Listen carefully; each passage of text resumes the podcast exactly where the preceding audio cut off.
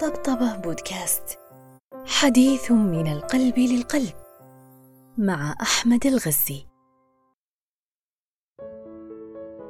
لا تقلق حين لا تثيرك الأشياء التي كانت تلفت انتباهك سابقا وحين تزهد في الكثير من الأمور والعلاقات وحين يتملكك العجب وتندهش من الأشخاص الذين كانوا يستهلكون جل وقتك واهتمامك ومشاعرك. وحين تبدو الأشياء أمامك على حقيقتها أكثر من ذي قبل وحين تصبح أكثر حلما وأقل احلاما. فقد تكون قد نضجت.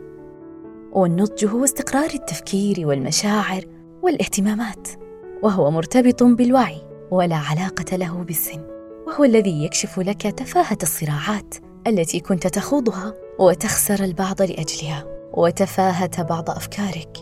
ومقدار صبر من حولك على تمسكك بتلك الأفكار وخوضك تلك الصراعات.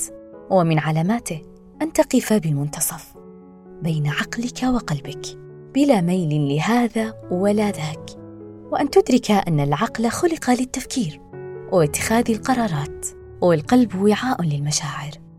وعليه. فلا ينبغي أن تتخذ قراراتك المفصلية استنادا على قلبك. ولا أن تجعل عقلك معيارا في علاقاتك مع من حولك. فالتغاضي عن بعض الأمور شرط لبناء العلاقات.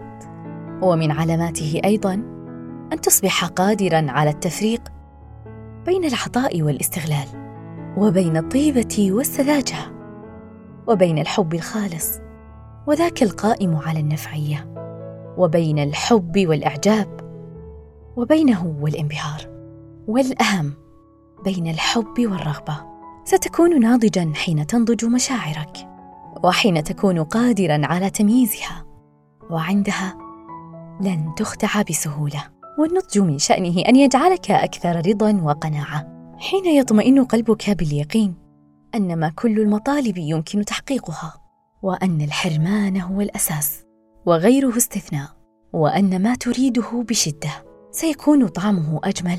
حين يأتي بعد طول انتظار وترقب ثم يجعلك لا تعبا بمنافسة غيرك بل يكون همك الأوحد هو كيف تتفوق على نفسك وأن يكون يومك أفضل من أمسك وأسوأ من الغد.